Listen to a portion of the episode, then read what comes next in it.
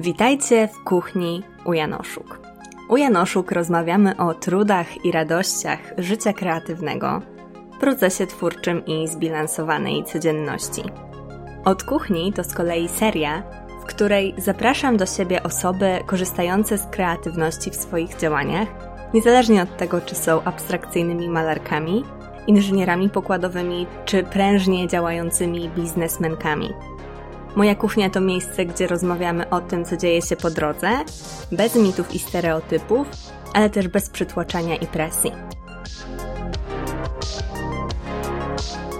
Ja nazywam się Ula. Jestem pisarką w procesie tworzenia powieści, kulturoznawczynią w drodze po doktorat, ale przede wszystkim osobą próbującą na co dzień spełniać swój kreatywny potencjał. Dziś do rozmowy z serii od kuchni zaprosiłam Joannę Glogazę. Cześć Asia, niezmiernie miło mi Cię gościć w swojej kuchni. Cześć Ula, dziękuję pięknie za zaproszenie. Mm, zgodnie z procedurą, którą powtarzam w każdym odcinku e, z tej serii, nie będę mówić o tobie, e, nie będę cię przedstawiać, ale zacznę od pierwszego pytania, które zawsze moim gościom i gościniom zadaję, czyli tego, kim jesteś? Mhm. Ja, wiesz co, długo się zastanawiałam nad tym, od której strony ugryźć to pytanie, e, jak to jakoś tak skonsolidować, żeby też ludzi nie zanudzić. I doszłam do wniosku, że ja to Ula jestem takim dinozaurem internetu. Ja jestem takim człowiekiem, który, nie wiem, tak jak przed słoniami były mamuty, mm -hmm. tak samo przed influencerami były szafiarki. Tak. E, I, mo I moja przygoda z internetem się zaczęła właśnie od tego, że ja jakoś tam zamiast się uczyć do matury, to zostałam szafiarką, ale bardzo szybko mi się znudziło bo okazało się, że, że pokazywanie i kupowanie ciuchów to jest takie dosyć draining. Mm-hmm. Jak, jak to można ładnie powiedzieć po polsku? Takie mm, wyczerpujące i też ja nie lubię mieć dużo rzeczy, a z jakoś strasznie dużo tych ubrań miałam. Mm-hmm. Ale nie ma tego złego, co by na dobro nie wyszło, bo mnie to poprowadziła na jakąś taką moją e, dłuższą ścieżkę, bo jak mnie zaczęły wkurzać te wszystkie ubrania, które nagromadziłam będąc szafiarką, to odkryłam minimalizm, mm-hmm. który wtedy jeszcze nie był taki oczywisty i mało osób o nim słyszało. No i zaczęłam sama jakoś się tak odgrzebywać spod tych rzeczy i odkryłam, że tak mi się to rozlało na inne dziedziny życia też. I że w ogóle fajnie się tak żyje, jak się człowiek jakoś tak e, ogranicza na różnych polach. Mimo tego, że brzmi to, no nie wiem, jakoś tak, jak jakaś taka ascyza, -hmm. ale, ale wiadomo, że nie o to chodzi. Tak. No, tylko chodzi o to, żeby um, nie zawalać sobie przestrzeni. To była jakaś taka moja długa ścieżka, na której sobie płynęłam, czyli tak jak wcześniej pisałam w tym internecie o tych szafiarskich rzeczach, to zaczęłam tą moją minimalistyczną ścieżką się dzielić z innymi ludźmi, pisać o tym książki. No i tak to się powolutku, powolutku tyczyło. Gdzieś tam w międzyczasie przewijały mi się jakieś inne wątki, bo miałam swoją markę odzieżową, e, Lunaby, właściwie piżamową, którą niedawno sprzedałam. Mm -hmm. I to też taka ciekawa ścieżka, bo zrobiłam te piżamy, bo wydawało mi się, że to jest takie fajne mieć swoją markę odzieżową, a szybko się okazało, że rzeczywiście może jest to fajne, ale dla innych ludzi, niekoniecznie mm -hmm. dla mnie, bo prowadzenie własnej marki wiąże się z wieloma rzeczami, które właśnie niekoniecznie są kreatywne, a trzeba być takim bardzo skrupulatnym, trzeba dużo pracować z ludźmi, trzeba być świetnym w jakimś takim planowaniu, przewidywaniu problemów, i tak dalej, i tak dalej, ale to z kolei mnie poprowadziło na ścieżkę kursów online, mm -hmm. bo zanim sprzedałam swoją markę, to tak tak sobie pomyślałam, że kurczę, takie to było trudne, założyć tą markę, prowadzić tą markę i cała ta wiedza, teraz sprzedam to i cała ta wiedza na nic. Mm -hmm. Znaczy, no wiadomo, nie na nic, bo dla mnie, ale nie bym się z nią też podzieliła. Tak. Więc stworzyłam swój kurs online, jak założyć własną markę odzieżową. E, I to z kolei mi pokazało, że to jest w ogóle, że takim, wydaje mi się taką klamrą moją, która spina to wszystko, to jest takie rozkładanie w miarę jakichś tam skomplikowanych rzeczy. Wiadomo, nie mm -hmm. jest to rocket science, ale z jakichś takich złożonych rzeczy na takie czynniki pierwsze i przeprowadzanie ludzi przez ten proces krok po kroku. I wydaje mi się, że to jest taka moja jakaś tam największa zdolność. I to wdrażam w różnych dziedzinach, bo projektem, nad którym teraz pracuję jest, jeszcze właściwie nie ma nazwy, ale ja bardzo lubię Instagram Stories. Mm -hmm. I boli mnie bardzo oglądanie Instagram Stories ludzi, które ich forma sprawia, że ta treść zupełnie nie dociera do takiej liczby osób, jakby mogła, a często to są treści bardzo wartościowe. Często to są storieski jakichś, nie wiem, aktywistów, aktywistek, osób, które jakieś tam, nie wiem, robią świetne rzeczy w, w, w ekologii, a nie tylko, jakby bardzo, bardzo różne dziedziny. I robią jakieś takie błędy typu nie dodadzą napisów do stories, mm-hmm. nie? I albo dodają 15 kafelków z rzędu, gdzie ktoś siedzi i gada do tej kamery i jeszcze bez napisów. Tak. Albo jakby zapominają, że, że ta nazwa Instagram Stories skąd się wzięła mm-hmm. e, i robią jakieś tam, nie wiem, pięć kafelków, w których mówią, że zrobią, a teraz wam pokażę taką super rzecz, którą dostałam, bo to będzie taki unboxing i na końcu tego unboxingu nie ma, bo ktoś na przykład musiał wyjść z domu i ja mam wtedy takie no. O tak, nasze mózgi nie lubią niedokończonych. Nie lubią, nie lubią, nie lubią bardzo. E, jest dużo też na przykład e, takich przypadków, że ktoś robi takie super artystyczne stories, które wyglądają pięknie, ale są na przykład kompletnie nieczytelne. Mhm.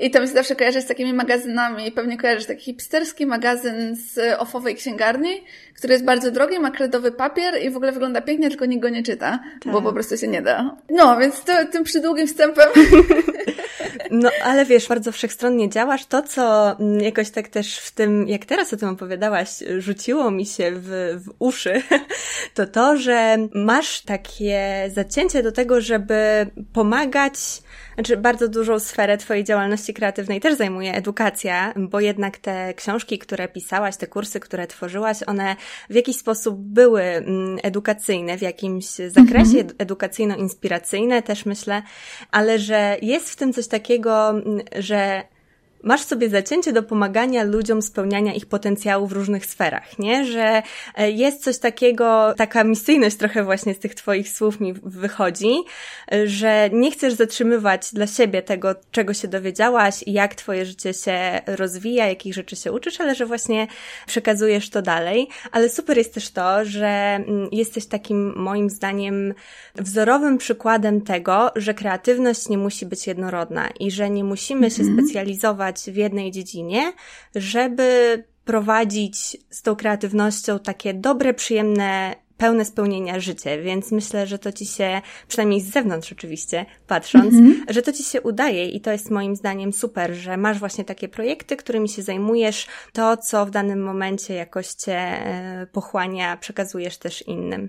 Pewnie tak jest, nigdy o tym nie myślałam w ten sposób, ale, ale rzeczywiście pewnie tak jest i super jest to, co powiedziałaś o tym, że kreatywność jest niejednorodna, bo ja się z tym zgadzam również pod tym względem, że jak mnie zaprosiłaś do podcastu, to miałam takie, kurcze, o czym ja tu będę mówić przecież, bo jak słyszę kreatywność, to w mojej głowie się pojawia takie, nie wiem, osoby, które na przykład, e, takie dziewczyny, które zawsze miały ładne zeszyty na mhm. polskim e, i podkreślony temat tak. kolorowym szlaczkiem. No i ja im zawsze zazdrościłam, ale też w głębi duszy wiedziałam, że niestety nigdy taka nie będę. No jasne. E, e, I teraz dla mnie takim ekwiwalentem takich osób w pracy są osoby, które mają właśnie jakieś tam, nie wiem, planery piękne z naklejkami e, i to mi się zawsze pojawia w głowie, jak myślę kreatywność. Mm-hmm. Albo, nie wiem, moja koleżanka, która, Agana Plocha mm-hmm. zresztą, która robi super rzeczy um, i którą wspominałeś, że też, też, też będziesz gościć, e, która sama sobie do domu wykleja plakaty, tam robi kolaże z jakiejś tam, nie wiem, papieru, szablonu, coś tam, coś tam.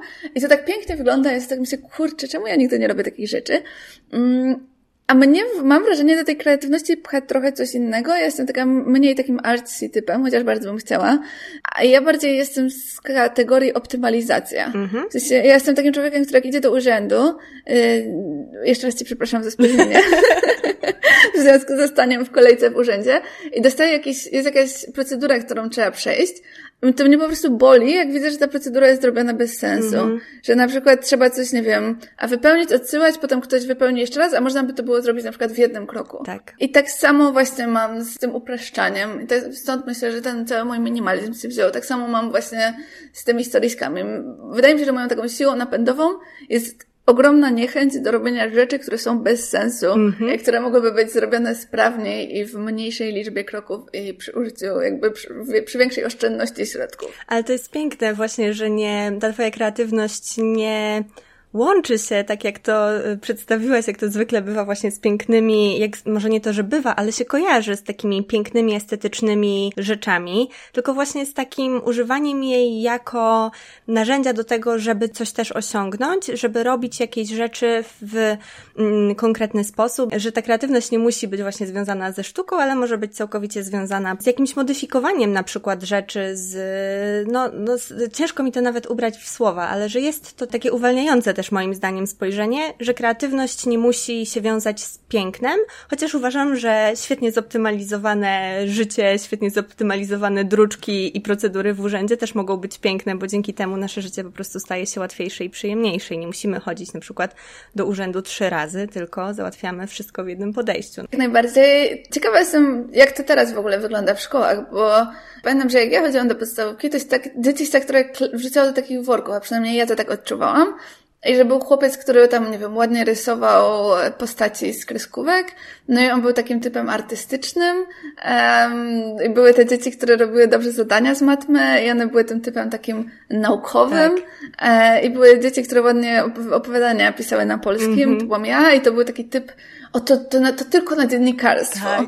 E, mam nadzieję, że teraz to się bardziej jakoś przenika i że, że jakoś bardziej holistycznie się do tego Mam podchodzi. nadzieję, aczkolwiek chyba nadal jest dosyć takie, mm, wydaje mi się, że nie ma takiej czułości na różnorodność, ale mogę się mylić, mm -hmm. bo mhm. wiadomo też to trochę inaczej jest, jak to wyglądało w naszym doświadczeniu, a trochę inaczej, jak to tak z zewnątrz teraz patrząc może wyglądać, ale mając kontakt z jakimiś osobami nastoletnimi, no to wydaje mi się, że nadal to jednak kuleje, że jednak przez tę konieczność specjalizacji, wybierania konkretnych e, profili w liceum, czy konkretnych kierunków na studiach, to często po prostu musimy funkcjonować w obrębie tej swojej małej szufladki i mhm. wydaje nam się, że na przykład będąc e, osobami, które mają zainteresowania techniczne, jak na przykład mój brat, to on raczej nie używa słowa kreatywność w stosunku do tego, co robi, a uważam, że to, co on robi, a projektuje samoloty bezzałogowe, czyli sterowane z ziemi, wymaga masę kreatywności od niego, więc to jest przykre, że nadal właśnie ta kreatywność jest przypisywana tylko do tej jednej szufladki,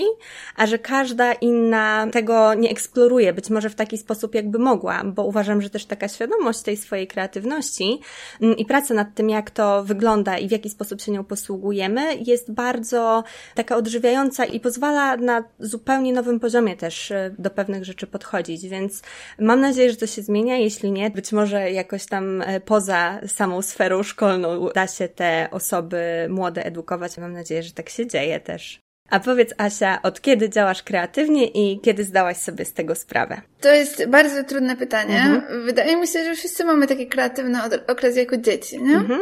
E, I wydaje mi się, że to, to jest w ogóle ja tak tęsknię za na przykład, nie wiem, czy miałaś w przedszkolu takie wyklejanie obrazków z kulek z, jak to się nazywało? Z, z bibuły. bibuły. Zanim to powiedziałaś tak. pierwsze, to pomyślałam, że pewnie o tym powiesz. Uwielbiałam. To było jedno z moich, obok łączenia kropek, to była jedna z moich ulubionych y, zabaw plastycznych. Totalnie. Ja pamiętam, że jakiś czas temu był taki szał na kolorowanki i w ogóle mnie to nie dziwi. I właśnie jak drukowałam swoją książkę pierwszą, mm -hmm. to drukowałam ją w Krakowie w Kolonelu. E, to jest taka duża drukarnia, która współpracuje z wydawnictwem Znak, w którym wydawałam wtedy książkę. Mm -hmm.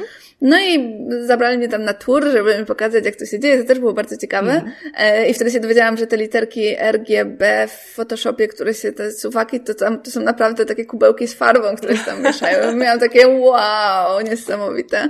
Znaczy, to mam nadzieję, że nic nie pomyliłam. To są te literki, nie? Tak. Chyba tak. Tak, tak. Niesamowite to było.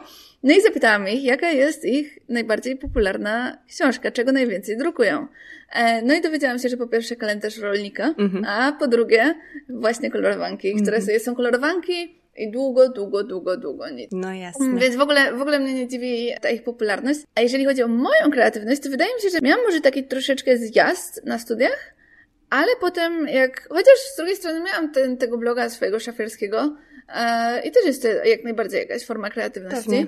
Też jest, tak jak teraz na to patrzę z perspektywy czasu, to może nie była to moja forma kreatywności, bo teraz naprawdę w ogóle nie obchodzą mnie ubrania. Mm-hmm. I dla mnie ten minimalizm był takim bardziej narzędziem do uproszczenia sobie tej szafy, żeby to tam jakoś sprawnie działało na co dzień. Mm-hmm. E, więc zdarza mi się właśnie, że ktoś mnie, mi zadaje jakieś takie, czasami, nie wiem, zdarzy się w jakimś wywiadzie, czy gdzieś tam jakieś właśnie pytania dotyczące nawet nie trendów na dany sezon, tylko, tylko jakiegoś takiego doboru stylistycznego. Mm-hmm. I ja tak wtedy rozkładam ręce i mówię, Wie pani co? Mnie to kompletnie nie obchodzi. Mm. e, ale na pewno, na pewno jest to jakaś taka forma kreatywnego wyrazu, ale potem, jak zaczęłam pracę, to wydaje mi się, że bardzo szybko, nie myślałam o tym w kontekście kreatywności, mm -hmm. ale bardzo szybko się zorientowałam, że jest bardzo dużo rzeczy, które których ja w ogóle nie chcę robić. Mhm. Bo ja miałam taką nietypową sytuację, że mój blog zaczął tam się rozwijać, coraz więcej osób go czytało, napisałam książki, więc właściwie jak skończyłam studia, to nie szukałam nawet pracy, tylko założyłam działalność i zaczęłam robić jakieś takie rzeczy wokół tego mojego bloga. i bardzo szybko się zorientowałam, że jest wiele rzeczy, które przynoszą pieniądze, ale które zupełnie nie dają mi radości. Mhm. I szybko się zorientowałam, że po pierwsze, ja najbardziej, ja jestem takim hermitem, mm-hmm. który lubi siedzieć w swojej norze i klepać w klawiaturze i pisać te książki, ale już te rzeczy, które są dookoła, typu spotkania autorskie, które są bardzo miłe, ale jak chce się być takim autorem klasycznym, powiedzmy, to trzeba tych spotkań autorskich natrzaskać w ciągu roku nie wiadomo ile. Tak. E, I często jest to też dla autorów główne źródło zarobku. A ja jestem taką dosyć introwertyczną osobą i dla mnie, ja bardzo lubię rozmawiać z ludźmi, e, ale takie spotkanie z wielką grupą, która, i to jeszcze z takiej pozycji typu, nie wiem, przychodzi ciekawy człowiek do szkoły, nie? Mm -hmm. że to nie jest taka rozmowa, że każdy coś tam miłego do siebie powie, coś się dowie o sobie nawzajem, tylko to jest takie spotkanie, nie wiem, nie chcę powiedzieć z gwiazdą, bo to nie o to chodzi, ale z jakimś takim ciekawym indywiduum, tak. które będzie nam tutaj odpowiadać na pytania, to bardzo szybko odkryłam, że nie do końca to jest forma dla mnie. Tak samo najpierw miałam taką wizję, że wow, to ja będę tutaj powiększać swój zespół, będziemy tworzyć więcej treści, będzie super. I też bardzo szybko się okazało, że jakby nie delegować zadań, to jak masz swój zespół, to bardzo dużą częścią Twoich zadań jest zarządzanie tym zespołem. Mm-hmm. A ja szybko odkryłam, że też mnie to nie do końca interesuje, że bardzo lubię współpracować z ludźmi projektowo i bardzo chętnie zapłacę więcej za to, że ta współpraca jest taka, kiedy siebie nawzajem potrzebujemy. Mm-hmm. No nie wiem, ja miałam takie momenty, kiedy czułam, że gdybym pracowała sama, to pewnie zrobiłabym sobie tam po jakimś dużym projekcie miesiąc wolnego, ale ponieważ jesteśmy zespołem, to trzeba wymyślać coś mm -hmm. nowego i tak dalej, i tak dalej. Jasne. Więc szybko odkryłam, że jestem w stanie absolutnie poświęcić wzrost i jakiś tam wzrost też przychodów dla takiej wolności tworzenia. Jasne. Dlatego, żeby czasami móc sobie zrobić coś, co niekoniecznie przynosi kasę, ale na przykład coś, co bardzo chcę zrobić, mm -hmm. a czasami właśnie pracować intensywnie, a czasami mieć troszeczkę więcej wolnego. I odkryłam, że ja po prostu się najlepiej odnajduję w byciu takim solopreneurem. Jasne. Gdybyś nie próbowała tych rzeczy, to byś nie wiedziała tak naprawdę, jak chcesz, żeby to mhm. wyglądało. Bo no kurczę, no skąd masz wiedzieć, jak miałoby wyglądać Twoje życie jako autorki, takiej właśnie jak wspomniałaś, która utrzymuje się przede wszystkim z pisania, czyli y, tak naprawdę z y, spotkań autorskich i z tego wszystkiego, co dzieje się dookoła, gdybyś nie napisała tych książek w takim tradycyjnym trybie wydawniczym i gdybyś tego nie spróbowała. Mhm. Tak samo z tym powiększaniem zespołu, że to też jest tak, że mm, fajnie jest sobie to dostosowywać i fajnie jest y, z tych eksperymentów czerpać. Myślę, że możemy przejść już do drugiej części, kiedy zdałaś sobie sprawę ze swojej kreatywności i wydaje mi się, że też y, mm, poniekąd dążyłaś do tego, że w jakiś sposób to uświadomienie przyszło po studiach y, mhm. też. Tak. I właśnie te wszystkie rzeczy, które odrzuciłam po drodze, mm, myślę, że też mnie doprowadziły do tego, że takim moim numerem jeden jest właśnie tworzenie i tym bym się chciała zajmować. E, I tak sobie przeorganizowałam swoją pracę, żeby jak najwięcej czasu zajmowało mi właśnie ta część kreatywna, a wszystkie takie rzeczy dookoła starałam się albo uciąć, albo oddelegować w takiej formie B2B, Jasne. żeby mi to nie zajmowało głowy. Mhm, bo też jednym z Twoich ostatnich dużych projektów było wydanie książki w self-publishingu i tam chyba bardzo dużo też delegowania konkretnych zadań już w tym przypadku też było na Twojej głowie, jako głowie kierowniczki projektu, a nie tylko autorki prawda? Zdecydowanie jest to zupełnie inne doświadczenie niż wydawanie w książki w wydawnictwie. Dla mnie też bardzo takie pouczające, bardzo mhm. dużo się nauczyłam przy tym, no bo tam w wydawnictwie, wiadomo, przychodzisz, piszesz, idziesz na spotkanie autorskie, ewentualnie wydawnictwo ci wyśle okładkę do akceptacji, a tutaj wszystko musisz od A do Z ogarnąć sama, od tekstu, przez znalezienie kogoś, kto zrobi redakcję, korektę, złoży to wszystko, zaprojektuje okładkę, i tak dalej, i tak dalej. E, I do tego trzeba tą książkę jeszcze jakoś rozdystrybuować, więc oprócz promocji wchodzi cała logistyka. Ja tutaj właśnie wypracowałam sobie rozwiązanie, które sprawdza mi się fantastycznie. Ja w ogóle mam wrażenie, że w wielu swoich rzeczach kupię Michała Szafrańskiego. Nie wiem, czy mhm. kojarzysz mnie, bo mam wrażenie, że mamy bardzo podobny typ osobowości i mamy bardzo podobny sposób działania, tylko Michałowi jakoś to trochę lepiej wychodzi. I Michał naprowadził mnie na firmę Imker, która zajmuje się całą moją logistyką i ja bez nich bym po prostu zginęła. Wygląda to mhm. tak, że książki z drukarni idą prosto do nich. Oni je sprawdzają, rozpakowują, wysyłają, ale też zajmują się obsługą klienta. E, i korzystam właśnie z tej obsługi klienta również przy innych projektach. I sprawdzam, nie wiem czy aż w takie detale wchodzisz e, zwykle ze swoimi gośćmi, ale sprawdza mi się to, o tyle super, że kiedy e, obsługę klienta miałam u siebie, e, pracowałam z kimś, kto jakby ode mnie się tym zajmował, było to o tyle trudniejsze, że nie znam się na w ogóle budowaniu środowiska pracy, nigdy nie pracowałam mm -hmm. w żadnej dużej firmie, więc jakieś takie, nie wiem, wyszkolenie tej osoby, motywowanie tej osoby i tak dalej, i tak dalej, to są rzeczy, które są dla mnie dosyć obce i mogę komuś powiedzieć, jak ja bym to zrobiła, mm -hmm. um, ale zdecydowanie nie jestem, nie jestem dobra w takich jakichś HR-owych kwestiach, a właśnie współpracując z nimi mam ten komfort, że ja po prostu płacę i płacę owszem trochę więcej, ale robię to z ogromną przyjemnością, bo wiem, że oni super dbają właśnie o ten swój zespół, o budowanie atmosfery w tym zespole, o właśnie super szkolenia, o to, żeby jakieś, nie wiem, innowacyjne rzeczy się też pojawiały, żeby ta obsługa była coraz lepsza i zupełnie nie jest to na mojej głowie. Super. Super, że właśnie też, że jest taka możliwość, nie? I że tak. właśnie z, z, takiej świadomości twojej, twojego procesu i tego, co ci um, sprawia przyjemność, co umiesz robić, co lubisz robić, że z tego też wynika to po prostu, jak, y, jak dalej działasz, więc myślę, dla mnie to jest bardzo ciekawy w ogóle taki y, proces wydawania książek. Mogłabym o tym długo rozmawiać, no ale musimy przechodzić do dalszych pytań. Um, powiedz, dlaczego zdecydowałaś się korzystać z kreatywności w swoich działaniach? Wiesz co, nie umiem kompletnie odpowiedzieć na to pytanie. Czytałam je sobie mm-hmm. wcześniej i długo myślałam i zwyczajnie nie mam odpowiedzi. W sensie, to nie było tak, że ja tak sobie siedziałam pewnego ranka i pomyślałam, a, z kreatywności skorzystam. E, tylko ja, ja mam wrażenie, że też po pierwsze mam, ja zawsze staram robić to, co mi sprawia frajdę, a mam wrażenie, że mhm. sprawiają mi frajdę rzeczy, w których się uczy czegoś nowego. I jakoś mnie to tak po prostu zawiodło w te, w te kreatywne rejony. Nie jestem w stanie jakoś, jakoś tego, nie wiem, wyodrębnić i udzielić Ci jasnej odpowiedzi. Jasne, ale też, ale też nie musisz. To się bardzo łączy z tym, o czym też rozmawiałyśmy na początku właśnie, że jest ta duża doza właśnie różnorodności w Twoich działaniach, tego, że jeżeli masz jakąś zajawkę, to po prostu ją mm -hmm. realizujesz, ale też ta radość w ogóle i kierowanie się tym, co daje przyjemność jest moim zdaniem bardzo ważne. Też pisałaś o tym dosyć dużo, jeżeli dobrze pamiętam, w swojej drugiej książce Slow Life. Bardzo dużo tam też o tej radości, o tej przyjemności, mm -hmm. o mhm. tym, żeby według tej swojej swojej, te, tego, co nam przynosi w życiu przyjemność, żeby działać, więc myślę, że jesteś świetną też realizatorką tej swojej filozofii.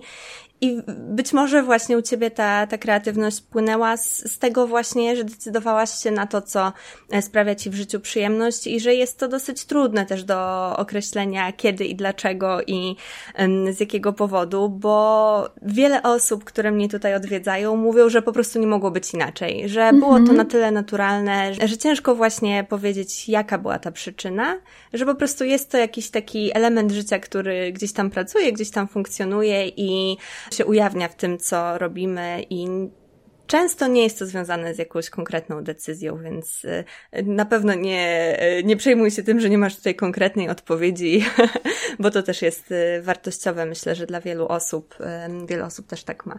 To powiedz w takim razie, gdzie jesteś na swojej kreatywnej drodze, a gdzie chciałabyś być? Mhm. No jestem w takim komfortowym bardzo miejscu, że mogę sobie tak trochę wymyślić, co bym sobie zrobiła, a potem to zrobić.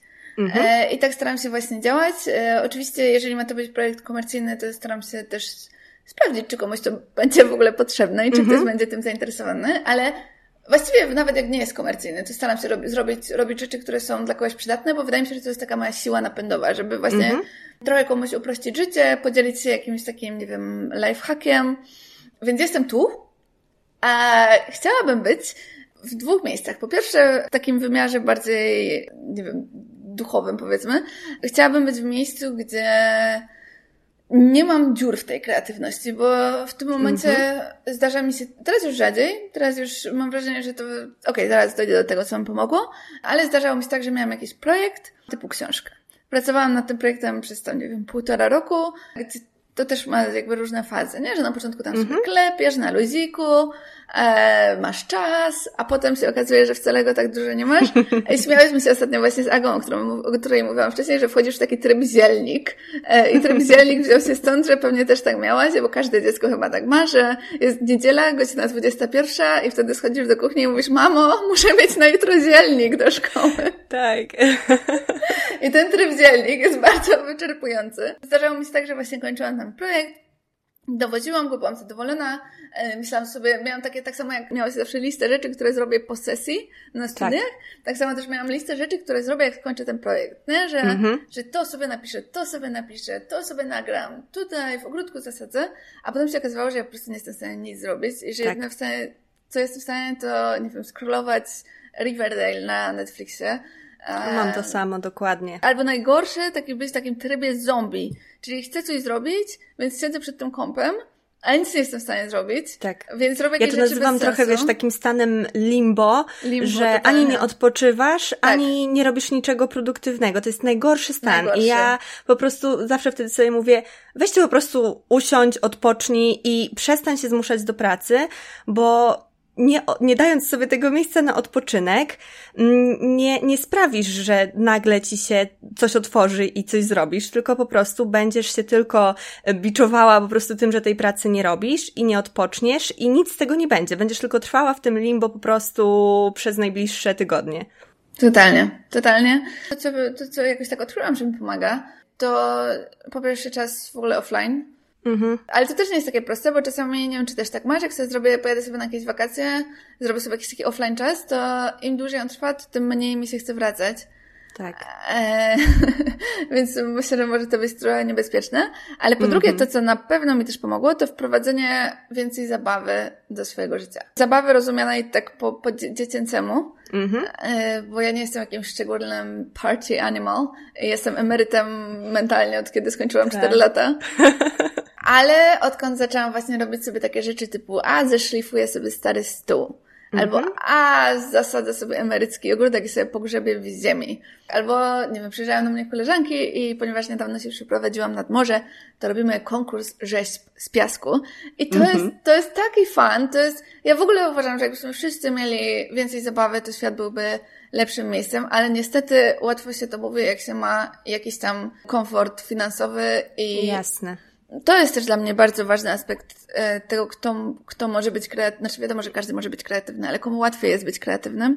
Tak, i kto ma możliwość, tę przestrzeń w życiu w ogóle i w głowie na to, prawda? Żeby tak. być, e, żeby korzystać z tej kreatywności, że tutaj to uprzywilejowanie, bezpieczeństwo finansowe i tak dalej, że to ma olbrzymią rolę i myślę, że też to warto, warto podkreślać, że też to, o czym tu mówimy, no to też jest, e, że mamy też duże zrozumienie na to, że nie każdy może mieć tyle miejsca na kreatywność w życiu, ale staramy się y, radzić jak możemy też i no, i mam nadzieję, że to, to, to, o czym rozmawiamy, trochę Wam też tej przestrzeni w głowie zrobi. No, a odwracając do Twojego pytania w takim wymiarze już bardziej praktycznym i to właśnie pozazdrościłam y, Adze. Aga jest ogólnie motywem przewodnim tego podcastu. Tak. I...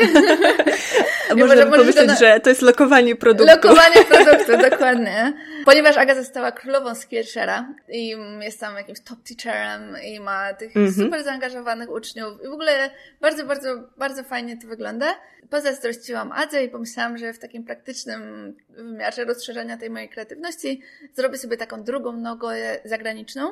Mm -hmm. e, też ze względów takich finansowych, bo fajnie jest zarabiać i fajnie jest też mieszkać w Polsce, ale potem się mhm. jedzie na wakacje na przykład, nie wiem, do Szwajcarii i okazuje się, że te polskie złotóweczki tak, niewiele jednak, znaczą. To, mhm, to jednak nie jest, nie, nie jest tyle pieniędzy, ile nam się wydawało, że jest. Czyli rozumiem, że planujesz właśnie teraz y, taki twój, twoje miejsce, w którym chcesz się znaleźć, to też właśnie tworzenie mm, takiego międzynarodowego kontentu bardziej i, i eksplorowanie tych sfer. Tak, ale y, kłóci mnie ten Skillshare właśnie dlatego, że nie za bardzo mnie interesuje bycie jakąś tam osobowością z Instagrama mm-hmm. po raz kolejny. E, interesuje mnie właśnie to tworzenie, a niekoniecznie jakieś takie promowanie siebie. Bo wbrew pozorom jest to strasznie nudne w pewnym, mm -hmm. w pewnym momencie. I znaczy, wiadomo, że to jest też fajne, ciekawe, ale ja jakby nie mam w sobie genu celebryckiego. Mm -hmm. I gadanie o sobie jest dla mnie po prostu straszliwie nudne. Ja bym wolała się dowiedzieć czegoś nowego od kogoś.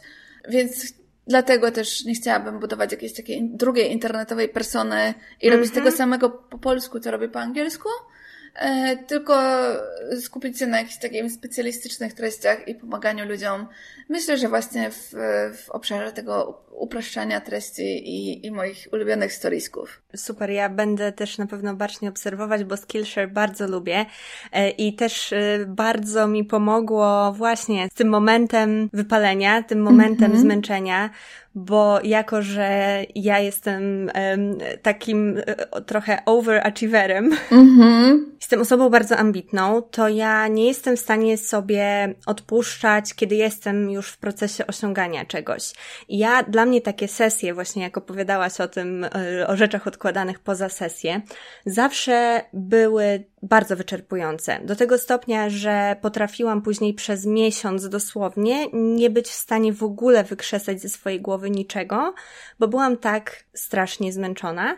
I Skillshare pomogło mi e, w tym roku, po bronieniu magisterki, po zdawaniu na doktorat w jedno lato, co było dla mnie po prostu maratonem tak wyczerpującym, wow. że po prostu nie wiedziałam, gdzie jestem, mm -hmm. to właśnie dzięki temu, że sobie odpaliłam to Skillshare, akurat trafiłam na jakiś jakiś kod polecający, bo akurat to jest dosyć częste gdzieś tam na zagranicznych kontach, że można coś takiego mhm. znaleźć i ma się te na przykład dwa darmowe miesiące, to ja w te, w te miesiące po prostu uczyłam się malować gwaszami, czego nigdy nie robiłam, bo myślałam, że muszę nie wiem, co to jest. robić najlepiej.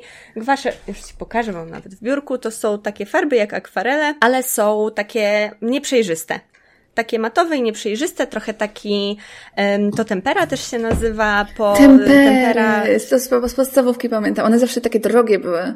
No, znaczy, no, mało to pewnie nie kosztuje, ale no, też no, na no. długo starcza. Ale wiesz e, w sensie nie chodzi, chodzi mi nawet o to, że nie wiem, czy chodziłaś z mamą do, do, albo z tatą, albo z kimś do sklepu papierniczego przed tak. rozpoczęciem szkoły. No, no, no. I one zawsze, bo to był taki towar ekskluzywny. Mm. I one i takie, i takie pastele jeszcze suche, tak jak miała pani w domowym tak, przedszkolu. Tak, pastele mhm. też kojarzę.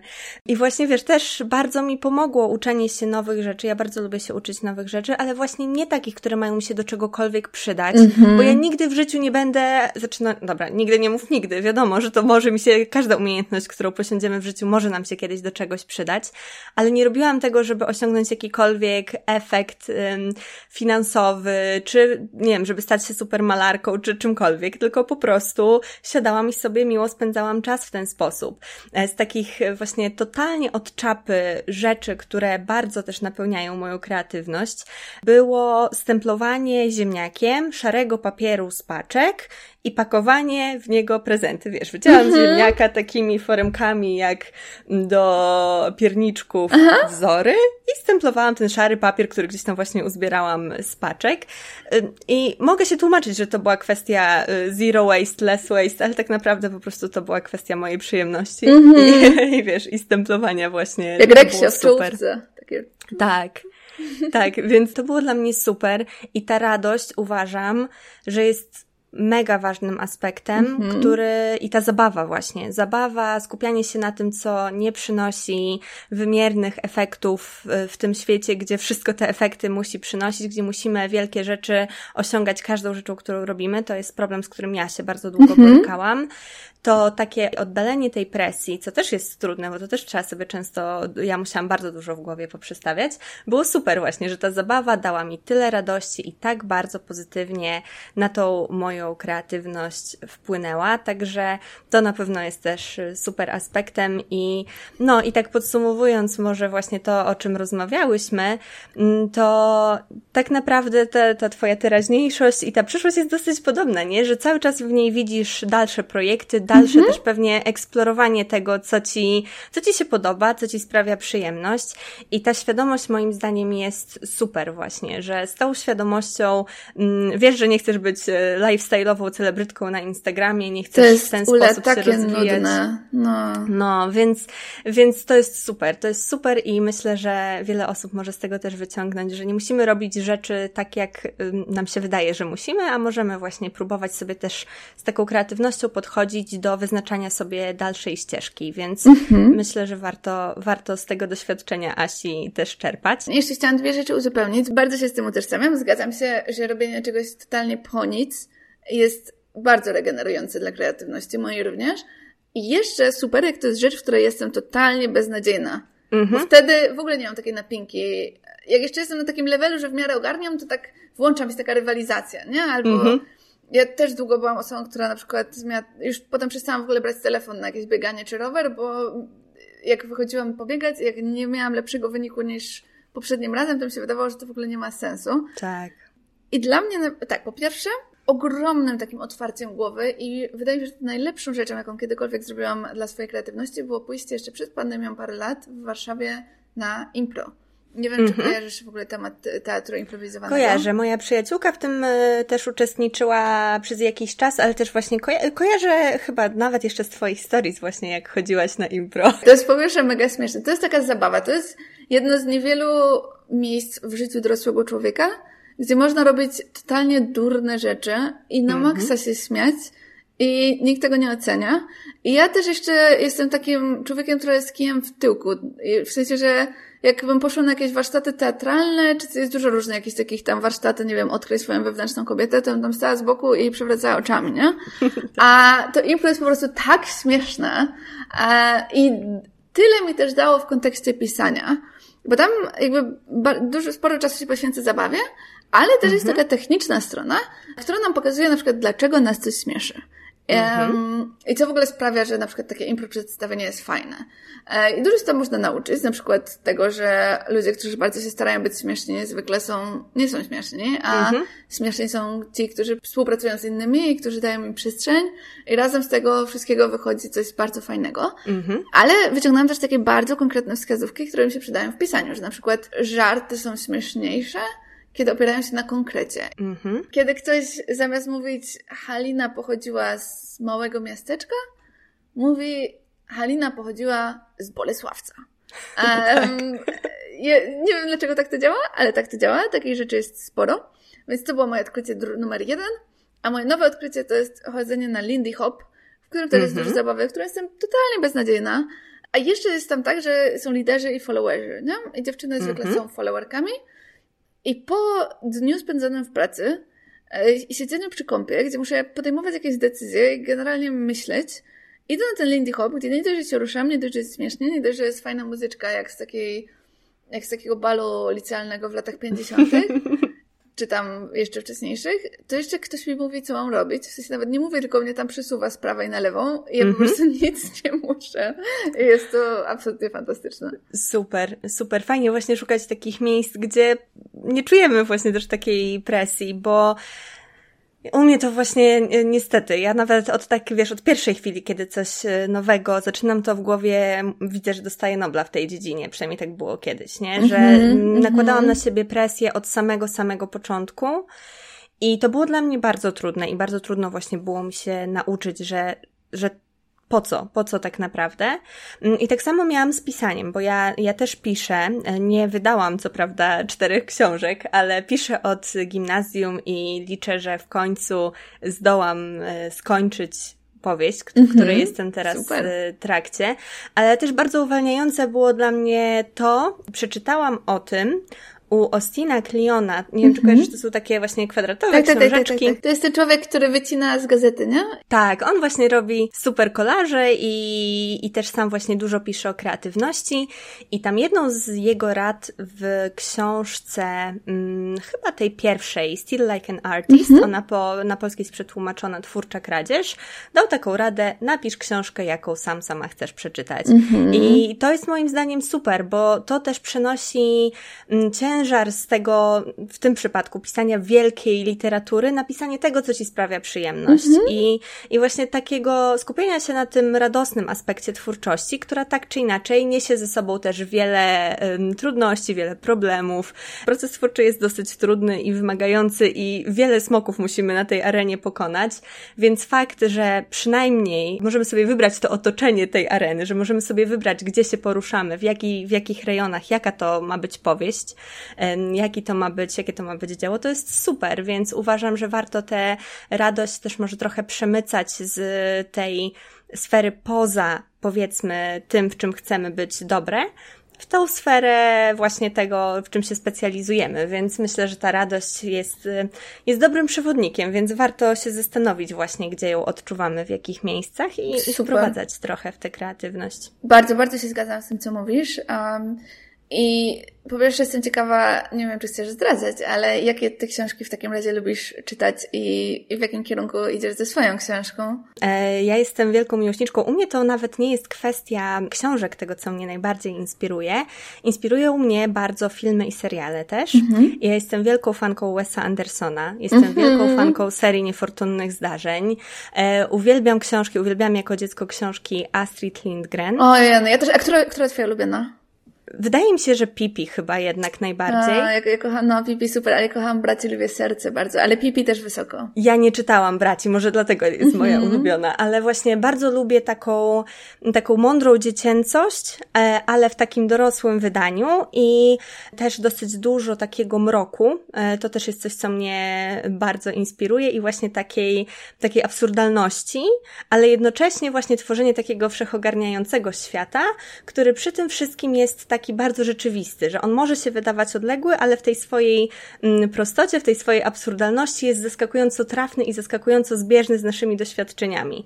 Więc y, to jest coś, ja myślałam o zupełnie, o pisaniu zupełnie innych rzeczy, a teraz właśnie tworzę powieść o dziewczynce, y, dorastaniu dziewczynki nad Bałtykiem swoją drogą, wow, e, ale po drugiej stronie tego, gdzie ty mieszkasz, mm -hmm. bo um, z wyspy uznam, więc, y, okay. więc to jest, to jest właśnie ta, ta sfera, ale to mi właśnie sprawia dużo dużą, dużą radość. Właśnie inspirowanie super. się i też takie świadome inspirowanie się, tworzenie tego, co mi się podoba też. Super, super. Przeczytaj koniecznie Braci Lwie Serce, bo po tym, co powiedziałeś, zwłaszcza o tym mroku, myślę, że, że może ci się mogą Ci się spodobać. Dobrze. A też przyszło mi na myśl jeszcze jedna rzecz, a propos właśnie tego, co powiedziałeś, żeby tworzyć to, co sami chcielibyśmy przeczytać.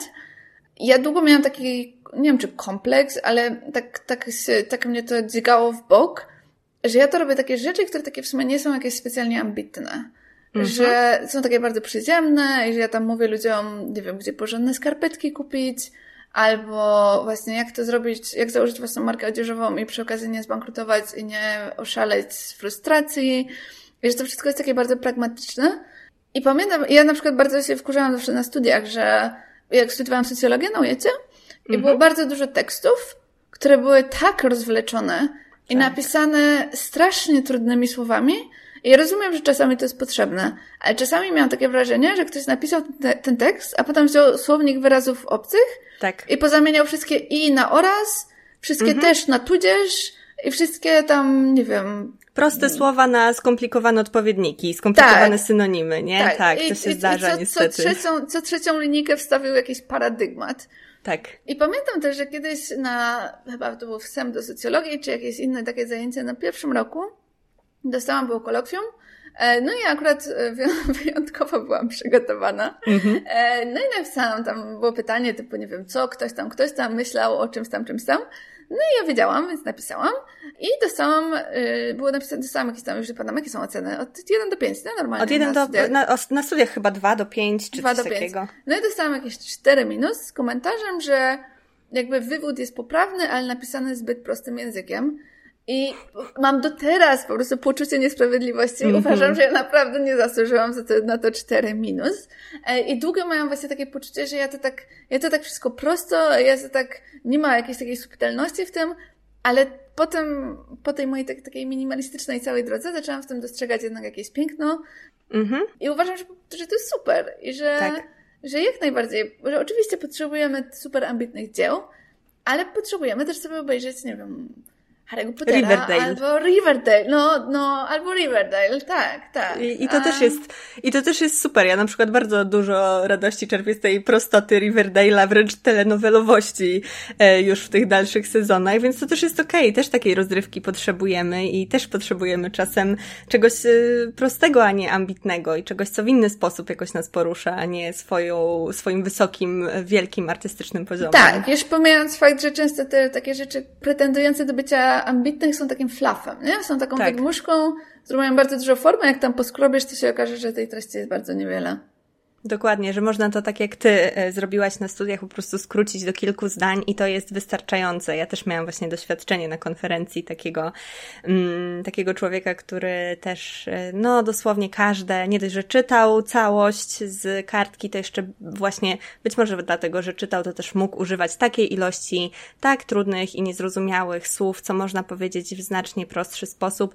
I ja też jestem wielką fanką prostoty i wielką fanką tego, żeby po prostu no, na siłę nie, nie, nie iść w taką stronę właśnie wielkich rzeczy i też jak piszę na przykład naukowo, to też staram się po prostu nie używać jakichś mm-hmm. wielkich słów, tylko po prostu pisać tak, jak też e, bym to tłumaczyła na przykład słowami, bo uważam, że to jest sensowniejsze i nikt jeszcze nigdy na szczęście mi nie zarzucił tego, że to jest zbyt mało Super. ambitne i, i, i zbyt właśnie e, jest ten wywód okrojony z wielkich słów, także... Ale to jest, to jest bardzo ciekawe też pod takim względem, że nie wiem, czy też tak masz, ale ja na przykład bardzo lubię zwięzłość mhm.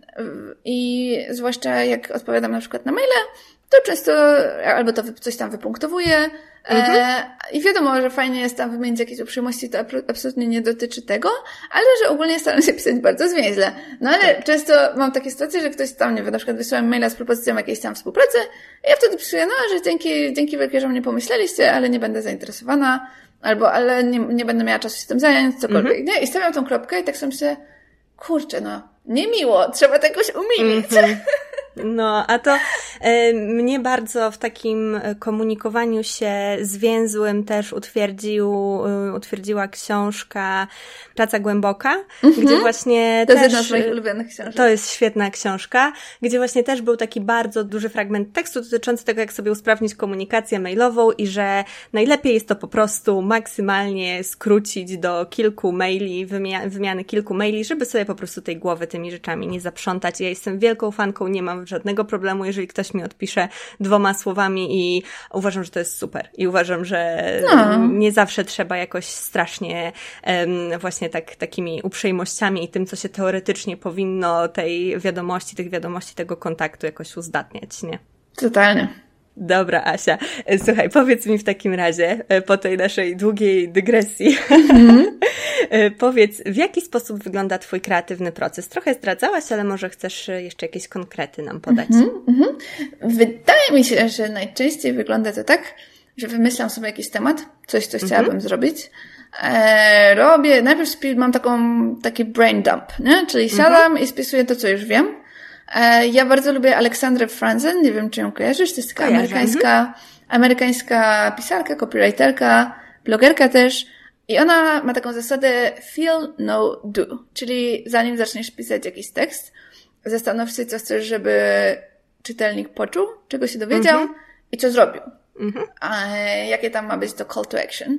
I to jest dla mnie zawsze taki, taka wskazówka, taki kierunkowskaz. Kierunkowskaz? Drogowskaz? Drogowskaz!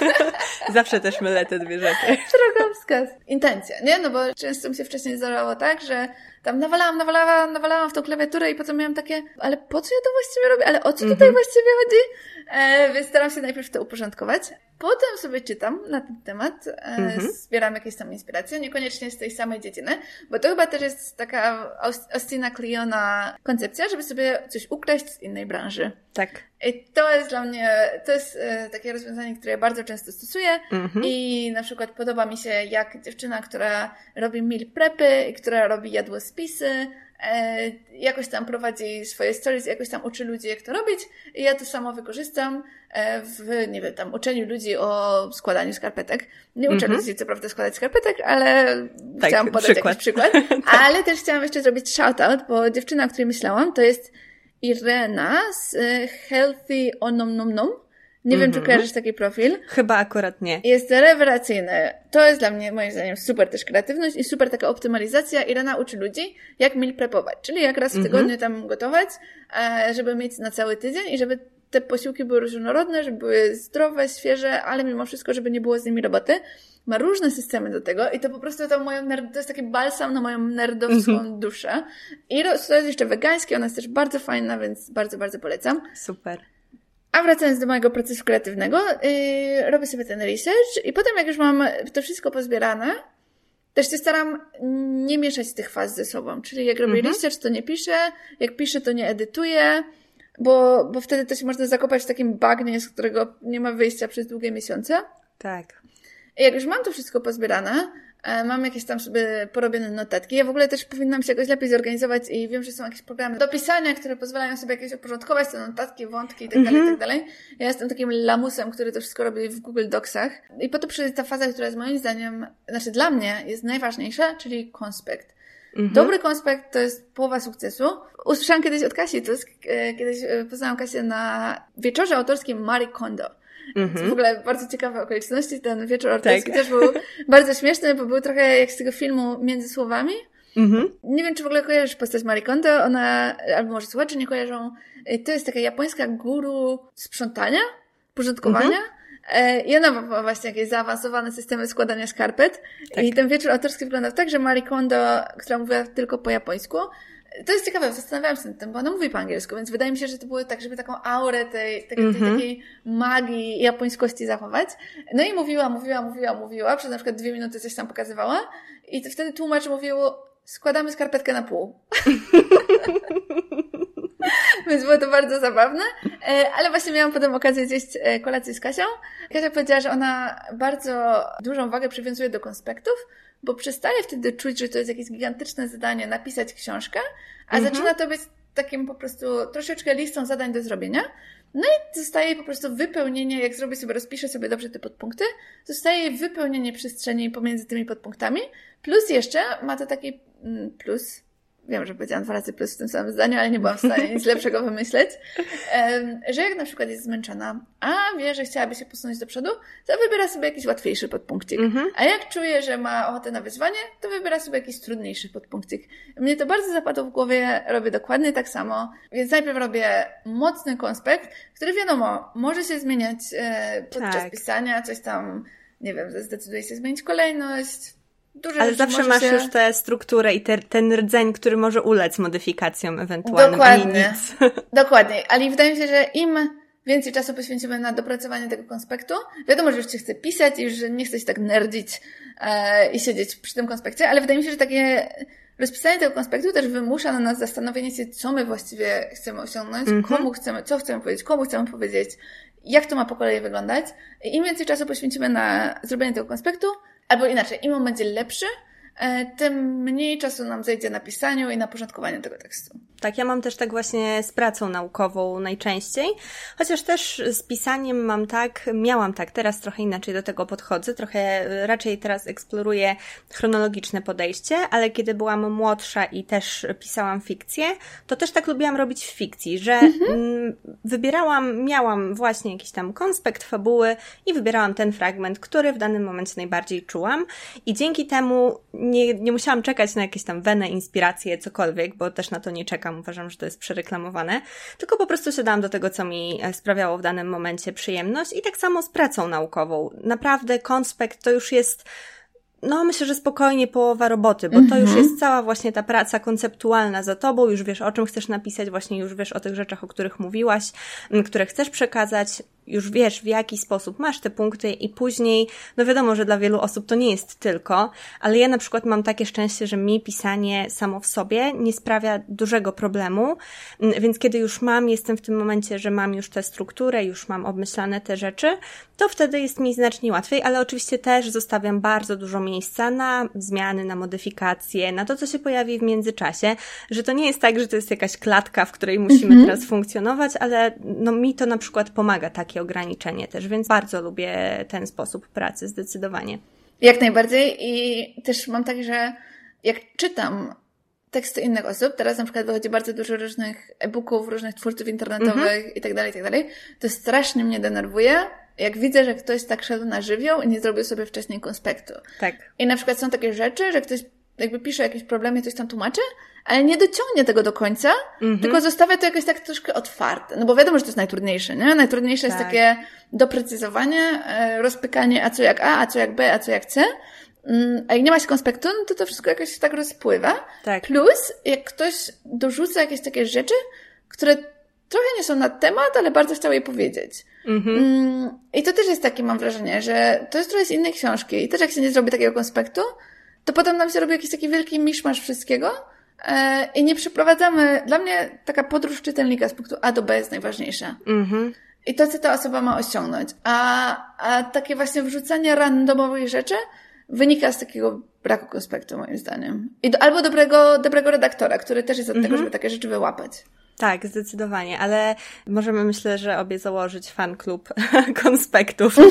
I myślę, że dużo osób by do niego dołączyło, także jeżeli nie próbowałyście, nie próbowaliście z takiego konspektu w swojej pracy korzystać, to zachęcamy i polecamy. Totalnie.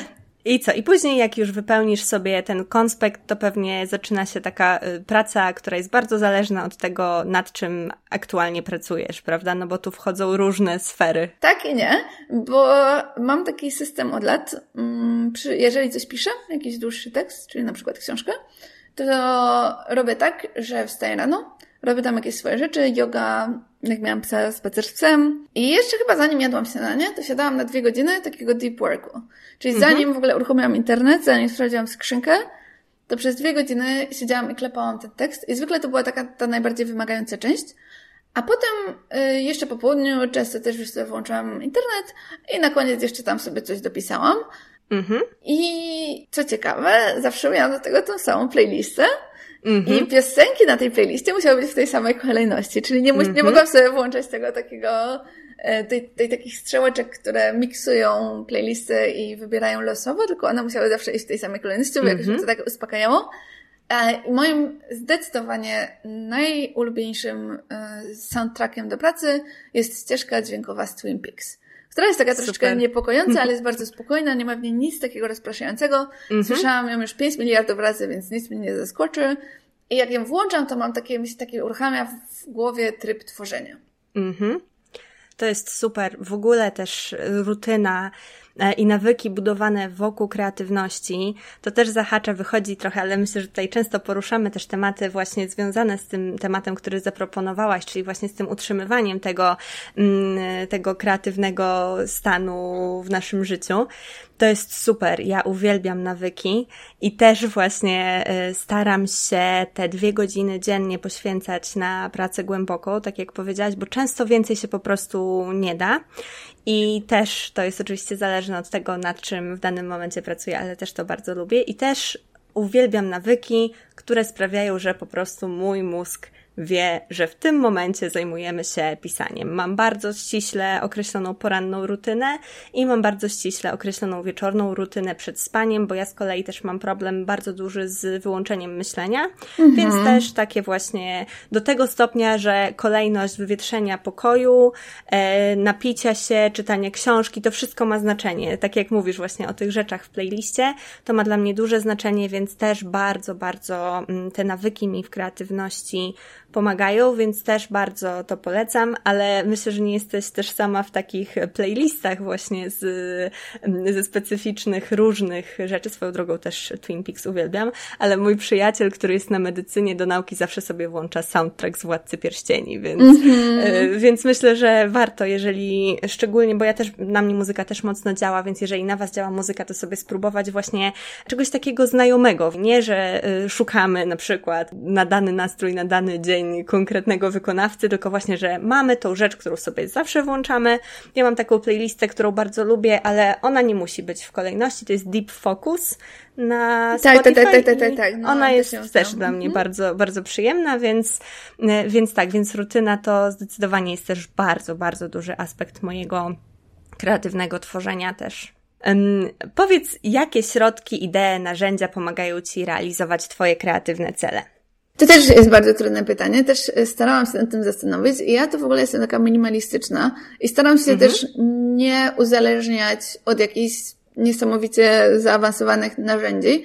I tak jak Ci mówiłam, piszę na przykład w Google Drive, bo zauważyłam, mhm. że bardzo łatwo sobie wymyślać takie prokrasty pułapki. Tak. Że potem gdzieś tam jesteśmy i mówimy, a, nie mam teraz tego mojego fotela, że rutyny są fajne, mhm. ale one nie są jakby wszystkim. W sensie, tak że da się też napisać w nieulubionym fotelu i da się też napisać swoim nieulubionym długopisem, chociaż na przykład mnie bardzo boli, bo ja mam swój tam bullet journal, gdzie sobie e, gdzieś, o właśnie, to jest jedno z moich narzędzi, e, gdzie mhm. sobie zawsze tam spisuję Nie zawsze, ale, ale często sobie spisuję, co tam, co, co tam sobie myślałam, co bym tam, mhm. co sobie wymyśliłam, bo inaczej jak nie zapiszę, to na pewno zapomnę. I mam tak. swoje właśnie ulubione długopisy, to takie, może pamiętasz ze szkoły. Teraz zapomniałam, jak się ten brand nazywa, ale one były takie w gwiazdki, takie białe w gwiazdki. Tak. I... Moja babcia zawsze takie miała u siebie gdzieś tam w szufladzie. Tak, i wyróżniało je to, że dało się je zmazać z mazikiem. E, a oprócz tego jakoś, nie wiem, super mi się nimi pisze. No ale bez tego też się da. E, więc, mhm. więc nie mam jakichś takich naprawdę niesamowitych narzędzi. Mam, wydaje mi się, bardzo proste rzeczy, czyli zdjęcia. Też mam to tak bardzo uproszczone. W sensie mam, mhm. zrobiłam sobie jakiś tam w Lightroomie presecik swój, którego mhm. zawsze używam e, i przypuszczam te wszystkie zdjęcia i oszczędzam mnóstwo czasu. Mm, właśnie w Google Drive spisuję wszystko do książki w jednym miejscu. To też masz wszystko zawsze w chmurze, masz tak. w dysku, więc też możesz w każdej sytuacji tak naprawdę, do, jeżeli masz dostęp do internetu, to w każdej sytuacji możesz tak. do tego dotrzeć. Takim nie? narzędziem, którego używam bardzo często, które jest też totalnie podstawowe, jest Google Keep.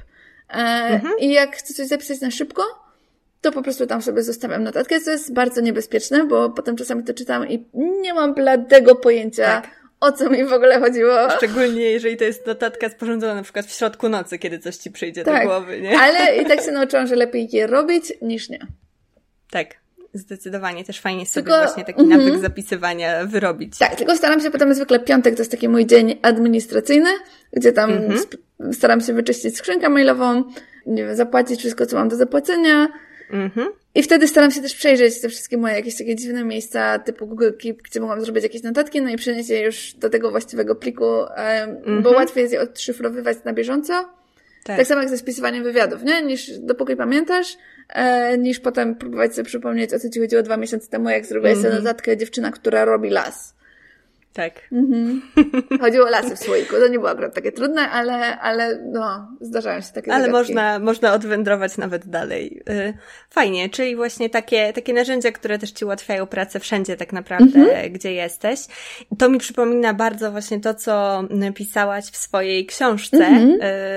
Y, Slow Life, właśnie o tym, żeby nie y, popadać w taką manię gadżetów, które są nam potrzebne do tego, żeby zacząć, bo to mhm. właśnie bardzo łatwo jest się w tym zakopać i po prostu nie zacząć tego robić, jeżeli będziemy stosować te rzeczy, które teoretycznie mają nam pomóc jako wymówki. Tak, jest takie powiedzenie, żeby grać kartami, które się ma. I ja bardzo, bardzo zawsze się staram go trzymać. A jeszcze mi się przypomniał jeden gadżet, e, mhm. który mi bardzo pomaga, też absolutnie nie jest konieczny, ale mam kilka takich rzeczy, kilka takich gadżetów elektronicznych, które naprawdę zmieniły moje życie, nie tylko elektronicznych. To jest na przykład kubek taki termiczny, gdzie sobie robię herbatkę mhm. i mam mhm. potem ciepłą E, albo nie wiem, odkurzacz taki ręczny, bezprzewodowy, który też zmienił moje życie, albo Kindle, mm -hmm. który też zmienił moje życie. I ta, o której chcę powiedzieć w kontekście kreatywności, to są słuchawki wygłuszające. To -hmm. jest tak wspaniały wynalazek. E, I jak gdzieś jest głośno, jak mnie coś rozprasza, to po prostu je wkładam, włączam jakiś, nie wiem, ASMR albo jakąś playlistę, albo nic nie włączam. Wystarczy, że je -hmm. mam mhm. na uszach i to mnie tak odcina, też tak w ogóle w głowie, nie? Nie tylko, nie tylko te dźwięki, ale tak wchodzę w taki tryb, ok, jestem, to coś dookoła mnie nie dotyczy mm, i jedziemy z tym koksem.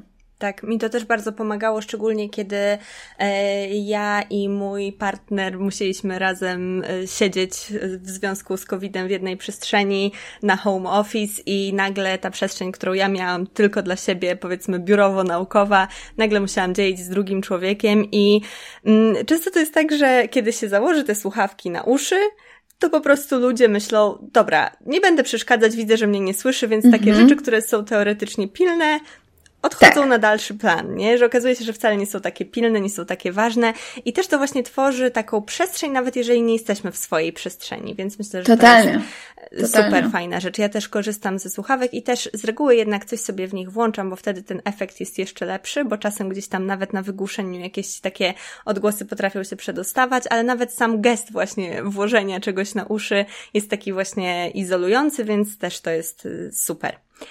A powiedz, Asia, y, co jest dla Ciebie najgorszym, a co najlepszym aspektem kreatywności? Mhm. Najlepszym jest to właśnie taka dzie dzieciowość, um, mhm. że można po prostu mieć przyjemność z tego, co robimy na co mhm. dzień, nie? To jest, to jest w ogóle numer jeden dla mnie. E, ja trochę się nie zgadzam z taką narracją, że trzeba się narobić i nacharować i i zasłużyć sobie na, nie wiem, albo odpoczynek, albo pieniądze. Tak. Albo cokolwiek. Mam wrażenie, że to jest, są takie dwie narracje w opozycji. Jedna to jest ta, a druga to jest taka, że tam znajdź to, co kochasz, to nie przepracujesz ani dnia w swoim życiu. Mm-hmm. To też nie jest prawda, bo wiadomo, że każdy wszystko ma swoje jakieś tam mniej przyjemne aspekty i to, że coś jest przyjemne, nie znaczy, że nie jest trudne czy męczące. Mm, ale ja się staram po prostu mieć jak najwięcej fanów z tego, co robię, no bo po co ja tu w ogóle jestem? E, Dokładnie. Tak, i tak kiedyś umrę, więc równie dobrze, mogę się spoko Mogę się bawić. dobrze bawić Dokładnie, po drodze, mogę nie? sobie grzewać w ziemi, mogę sobie robić babki z piasku e, i kompletnie mnie nie obchodzi to, że ktoś sobie pomyśli, że jestem mało ambitna albo, nie wiem, że idę na łatwiznę i tak dalej, i tak dalej. Więc to jest ta fajna Super. część. Niefajna część y, to jest to, że ta kreatywność bywa dosyć kaprysna i że dużo trzeba wysiłku włożyć, w, znaczy to też jest ciekawe, w poznanie siebie, mm, mm-hmm. żeby móc ją utrzymywać na jakimś takim stałym poziomie bez takich skoków. Ja jak byłam mała, znaczy jak byłam młodsza, to cierpiałam na podobną chorobę co ty e, i też na, nie, nie, nie musiała, tylko że u mnie nie, nie było tak, że ze wszystkiego muszę dostać Nobla, tylko ze wszystkiego muszę zrobić biznes, ale mm-hmm. szczęśliwie już mi przeszło. No i wtedy wpadałam w takie jakieś szały, nie? W takie, że po prostu mm-hmm. nawalasz przez trzy noce, a potem przez trzy miesiące nie masz siły nic zrobić i doszłam do wniosku, że kompletnie nie jest to warte tej energii, którą na to jakby się wydaje. E, tak. Więc staram się utrzymywać jakąś taką równowagę, to nie jest łatwe, ale jest też ciekawym w ogóle zagadnieniem. Mhm. Uważam, że poznawanie siebie jest mega ciekawe. To jest super. To jest jedna z moich ulubionych rzeczy w ogóle na mhm. świecie. Poznawanie siebie, tego też, co właśnie pozytywnie działa na to utrzymywanie kreatywności i co sprawia przyjemność. Też myślę, że to przyświeca w ogóle całej naszej rozmowie i wszystkiemu, co mówisz, czyli właśnie to ciągłe eksperymentowanie i też sprawdzanie, co nam odpowiada i podążanie tą ścieżką właśnie tego, co nam przynosi tą radość, tą przyjemność i też oczywiście się całkowicie zgadzam z tym, że takie skrajne narracje dotyczące pracy i odpoczywania są mega szkodliwe, bo to jest, no, to naprawdę nie jest po pierwsze tak, że nie można odpoczywać, jeżeli się nie osiągnie wielkich rzeczy, nie osiągnie się wielkich pieniędzy, bo ja niestety często pracuję tak, że dopiero kiedy coś tak robiłam, teraz już się uczę tego nie mhm. robić i teraz lepiej mi idzie, że dopiero sobie pozwalałam na odpoczynek, kiedy um, osiągnęłam coś, co mhm. chciałam osiągnąć, a z drugiej strony właśnie też jestem bardzo daleka od tego stwierdzenia, że jeżeli się będzie robiło to, co się kocha, to się nie przepracuje ani godziny, dlatego, że nawet jeżeli robimy coś, co kochamy, to to też jest praca, to też jest poświęcanie naszego czasu, tylko w inny sposób. I też tak jak właśnie wspomniałaś, myślę, że to warto podkreślić, że każdy, na, na cokolwiek się nie zdecydujemy, każdy zawód, także ten kreatywny, jest związany z szeregiem czynności i nie wszystkie będziemy kochać. Mhm. I myślę, że nie ma co też tworzyć takiej, takiej fałszywej narracji, że każdy aspekt tego, co robimy, musimy kochać, bo wydaje mi się, że nie ma takiej czynności na świecie, która by nie, nie zawierała jakiegoś tego negatywnego negatywnego aspektu, a nawet jeśli nie negatywnego, to po prostu takiego, który nie będzie nas jakoś totalnie jarał i to też jest okej okay i e, nie warto rezygnować też. Warto może delegować, nie? Właśnie Zgadzam się, ale, ale i... też, też jakbyś nie oddelegowała, to zawsze zawsze musisz to chociażby jakoś tam przynadzorować, nie? Przepracować, zobaczyć właśnie w jaki sposób można to inaczej mm -hmm. ugryźć, więc są te, są te aspekty, więc myślę, że warto, warto wiedzieć, że to nie jest y, czarno-białe. I na koniec ostatnie pytanie z tej pierwszej części, a w zasadzie zdanie do uzupełnienia. Od kuchni jestem. Trzy kropek i przymiotnik, który Cię opisuje, jaka jesteś od kuchni. Mm, nie ogarem? To nie jest przymiotnik, e, ale ja mam wrażenie, A może być że, rzeczownik. Mam wrażenie, że taki mój styl działania jest taki, że jest takiego chaosu. Mi się, ale to jest taki pozytywny jednak nieogar. Mm -hmm. To jest mhm. takiego chaosu, mi się wyku, wykluwa albo wykuwa, bo ja mam wrażenie, że właśnie, że mam taki na przykład wielki nawał treści i potem siedzę z takim dłutem i wykuwam, wykuwam z tego wielkiego bloku to, co dokładnie chcę powiedzieć. Mhm. Jakby odrzucając wszystko inne, bo dla mnie kreatywność to jest taka, też taka sztuka eliminacji. I na początku to wygląda właśnie jako taki straszny chaos, a potem na końcu się okazuje, że to jest bardzo uporządkowane i że ja ogólnie lubię mhm. porządkować. Mhm. E, więc dla mnie taką metaforą kreatywności jest to, że jest taka wielka szuflada ze skarpetkami, które są niepoparowane jeszcze leżą tam mhm. jakieś majtki i jeszcze leży tam jakaś czapka. I ja przychodzę i to wszystko układam i takie pojemniczki mam i wszystko wkładam do odpowiednich pojemniczków i tak układam, żeby na poniedziałek były z przodu, a na piątek były z tyłu. I tak, tak, tak, tak to widzę. Super. Też drugim sponsorem tego odcinka jest składanie skarpetek. Dokładnie. Ale to też jest super metafora. E, no super, super Asia. Myślę, że to jest, to, to, to bardzo pięknie podsumowuje ta metafora też to, o czym rozmawiałyśmy w tej pierwszej części, właśnie też to, w jaki sposób ta twoja kreatywność działa. I to jest super, bo to jest podejście, które, z którym ja w takiej też świadomości twojej i w takiej klarowności się spotykam, więc myślę, że mam nadzieję, że też znajdą się osoby, którym to też rozjaśni w głowie i będą miały taki, wiesz, moment, aha, że być może też mają właśnie podobnie jak ty. I to jest super. Bardzo się cieszę też, że w ten sposób się tym podzieliłaś. Na drugą część rozmowy, do której teraz przejdziemy, wybrałaś temat długofalowego utrzymywania kreatywności w życiu i unikania wypalenia, a jako, że już dosyć dużo na ten temat powiedziałyśmy w pierwszej części rozmowy, więc mm, teraz tak sobie może to troszkę zbierzemy i podsumujemy. I mm, powiedz, bo moim zdaniem to jest temat bardzo ważny i w ogóle kwestia utrzymywania tej kreatywności i dobrej relacji z kreatywnością w swoim życiu jest dla mnie bardzo ważna i w zasadzie jest takim trochę moim, taką tajemną warstwą tego, co ja tutaj w podcaście staram się robić i uważam, że to mówienia o tym nigdy dość. E, I chciałam Cię tak może trochę właśnie przekornie zagaić, trochę już o tym powiedziałaś, że Ty jako po pierwsze, autorka wielu książek. E, po drugie, też e-booków, kursów, takich projektów jak firma, jak farma. Czy ty miewasz takie momenty, kiedy ta kreatywność u ciebie się wypala, kiedy przestaje działać. Jasne, jasne, tak jak mówiłam, zwykle po dużych projektach. Mhm. Po dużych projektach, ale też jak mam dużo stresu w życiu, albo jakichś takich, nie wiem, finansowych y, dołków, albo, nie wiem, jak mój pies zachorował, ale naprawdę uważam, że kreatywność wymaga jakiejś takiej przestrzeni w głowie. Jasne, ja też się z tym bardzo zgadzam i też uważam, że to można podzielić trochę na dwie kategorie, bo to utrzymywanie kreatywności możemy rozumieć jako to regularne spełnianie celów, gdzie myślę, że tutaj ta dużo, dużą rolę odgrywa ta rutyna, o której rozmawiałyśmy, ale też to, co jest według mnie bardzo ważne, no to to właśnie utrzymywanie tego poczucia takiej kreatywnej pełni i tego kreatywnego bezpieczeństwa i tej kreatywnej równowagi.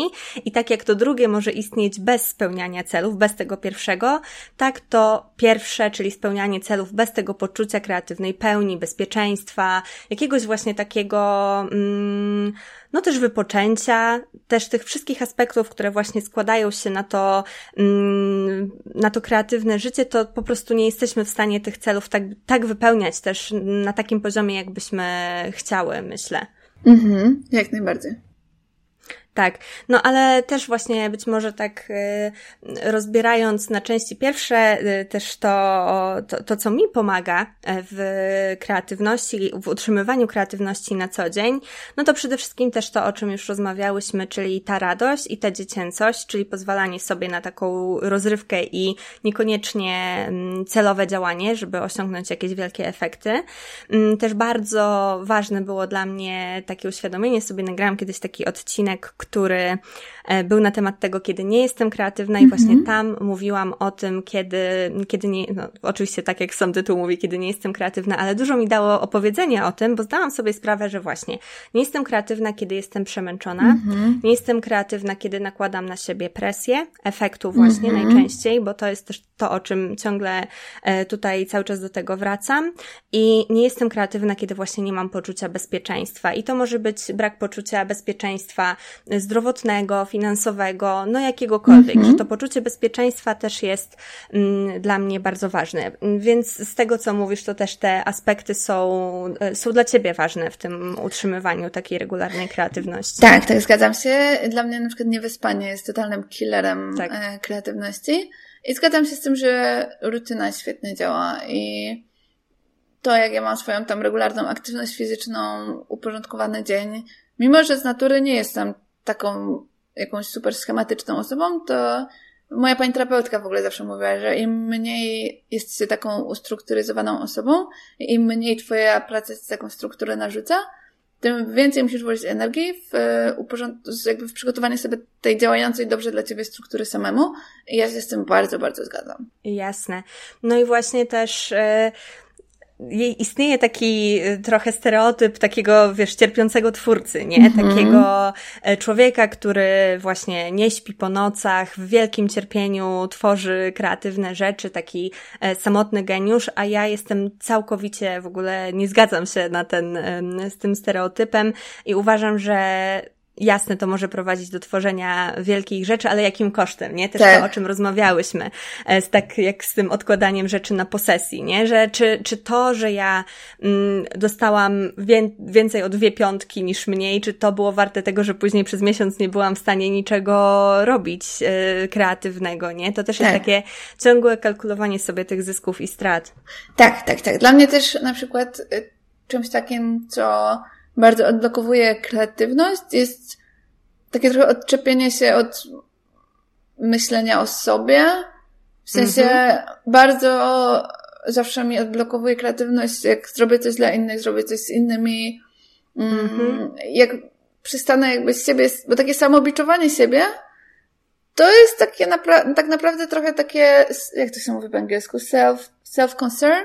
W sensie, że to jest mhm. takie cały czas, trochę to jest takie egoistyczne też, nie? Że w sensie, że tak. cały czas to jest takie ja, ja, ja i że niby tam sobie dowalam, ale ciągle to ja jestem w centrum jednak. A jak, nie wiem, pójdę z sąsiadką jej pomóc dynię sadzić, albo mm -hmm. malować altankę, um, albo zrobić cokolwiek innego, co nie stawia mnie w centrum, to jakoś mnie tak zawsze napełnia i odblokowuje mi to moją kreatywność. Super, nie, nie, nie próbowałam tego z, tego z taką powiedzmy świadomością nigdy wykorzystywać, więc na pewno też tego spróbuję, ale też zgadzam się z Tobą w tym, że z tym skupieniem na sobie można bardzo przesadzić i to -hmm. z tego właśnie wynikała moja największa blokada kreatywności. Wspomniałaś, że u Ciebie to było na studiach, że też rzeczywiście tworzyłaś na blogu, ale mm, że ta kreatywność była na niższym poziomie. Ja też tak miałam, że przestałam pisać, pisałam całe moje nastoletnie życie, po czym poszłam na studia i przestałam pisać, dlatego że przede wszystkim u mnie ta, ta, tą główną przyczyną było porównywanie się do mm -hmm. innych. E, I miałam takie poczucie właśnie tego, że kurde, nigdy nie będę w tym najlepsza. Znowu wraca mm -hmm. ten mhm. temat mojej wielkiej ambicji, więc po co ja to będę robić? Nie mhm. skupiałam się na tym, że to mi sprawia największą radość i że to jest najwspanialsza rzecz, w której ja swoją kreatywność mogę realizować, że to jest naj, największe spełnienie tego mojego twórczego potencjału. W ogóle o tym nie myślałam w tej kategorii, a myślałam sobie, że skoro nie mogę być w tym najlepsza, skoro tego Nobla, yy, którego w myślach mm -hmm. dostaję, w rzeczywistości nie dostanę, to po co ja będę pisać? Po co ja mam pisać, po co ja mam robić te rzeczy? I tak właśnie asekuracyjnie w ten sposób się wycofałam, pozwoliłam tym swoim tak naprawdę lękom przejąć kontrolę i przestałam kreatywna być. Więc myślę, że też na takim, to jest też ważne, że na takim że ta, że ta kreatywność też e, oprócz tego codziennego o nią dbania, właśnie dbania o wypoczynek, o wypoczynek zabrzmiało jak w czasy nad morzem. E, dbania o wypoczynek, o mm, bezpieczeństwo, o to, żeby w jakiś sposób też miejsce na tę kreatywność znajdować.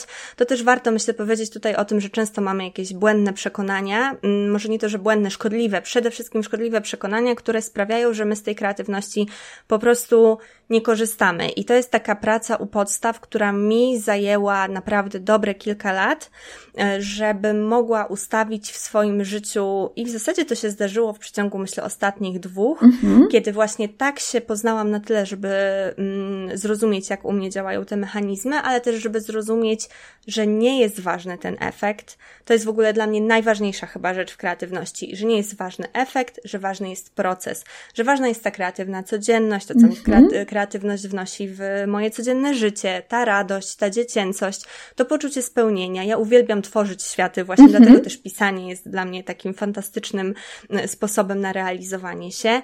I samo to, sama ta zmiana myślenia i wyjście z tych e, szkodliwych przekonań, dla każdego z nas one mogą być inne. Każdy z nas się boryka z trochę mm, innymi demonami i z trochę innymi szkodliwymi przekonaniami, ale uważam, że to też jest ważne. Mi na przykład w tym bardzo pomogła droga artysty Julie -hmm. Cameron, którą przeszłam właśnie jakieś 5 lat temu i teraz od tamtego czasu piszę poranne strony e, codziennie rano i też bardzo to polecam, bo jeżeli ktoś oczywiście lubi takie rzeczy, mm, ale to jest dla mnie forma medytacji, medytacji, wyrzucania z głowy wszystkiego, co mam. I kiedyś oczywiście traktowałam to jako, wiesz, formę literacką, chociaż było jasno powiedziane, nie traktujemy tego Aha. jako nic ambitnego. Oczywiście traktowałam to tak, że muszę świetnie to napisać, chociaż sobie tego nie uświadamiałam.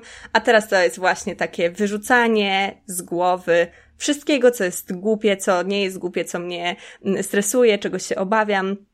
I bardzo to też, y, bardzo to też mi pomaga, więc warto też myślę, to jest ważne też o czym ty, ty mówiłaś, że jednak właśnie pracować nad sobą, myśleć nad tym, co nam sprawia radość, co nam gdzieś tam właśnie mm, lepiej wychodzi, co chcemy eksplorować i zarówno właśnie w takiej codzienności, ale też w takiej wytyczaniu takiej swojej y, ścieżki i walce właśnie z przekonaniami, które możemy z różnych miejsc posiadać. Mhm. No to myślę, że myślę, że możemy już kończyć. Super.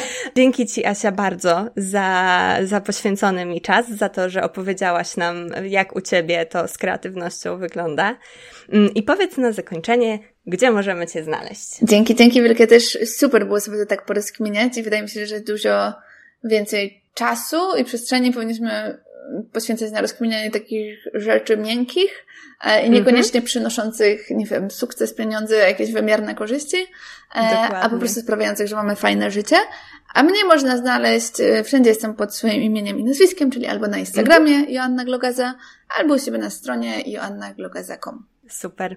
Dzięki Asia, myślę, że to była bardzo wartościowa rozmowa.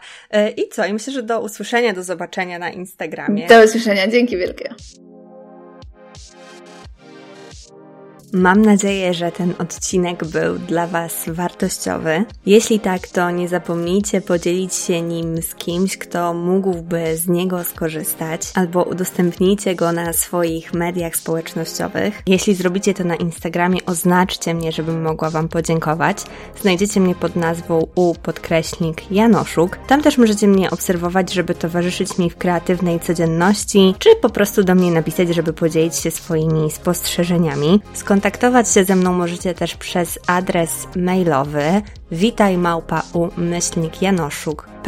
Odnośniki do wszystkiego, co pojawiło się w rozmowie, znajdziecie na stronie dedykowanej temu odcinkowi. Znajdziecie ją w opisie na platformie, na której słuchacie tego odcinka. Moja strona to www.umyślnikjanoszuk.pl i to tyle na dziś. Mam nadzieję, że do usłyszenia w kolejnym odcinku. Pa!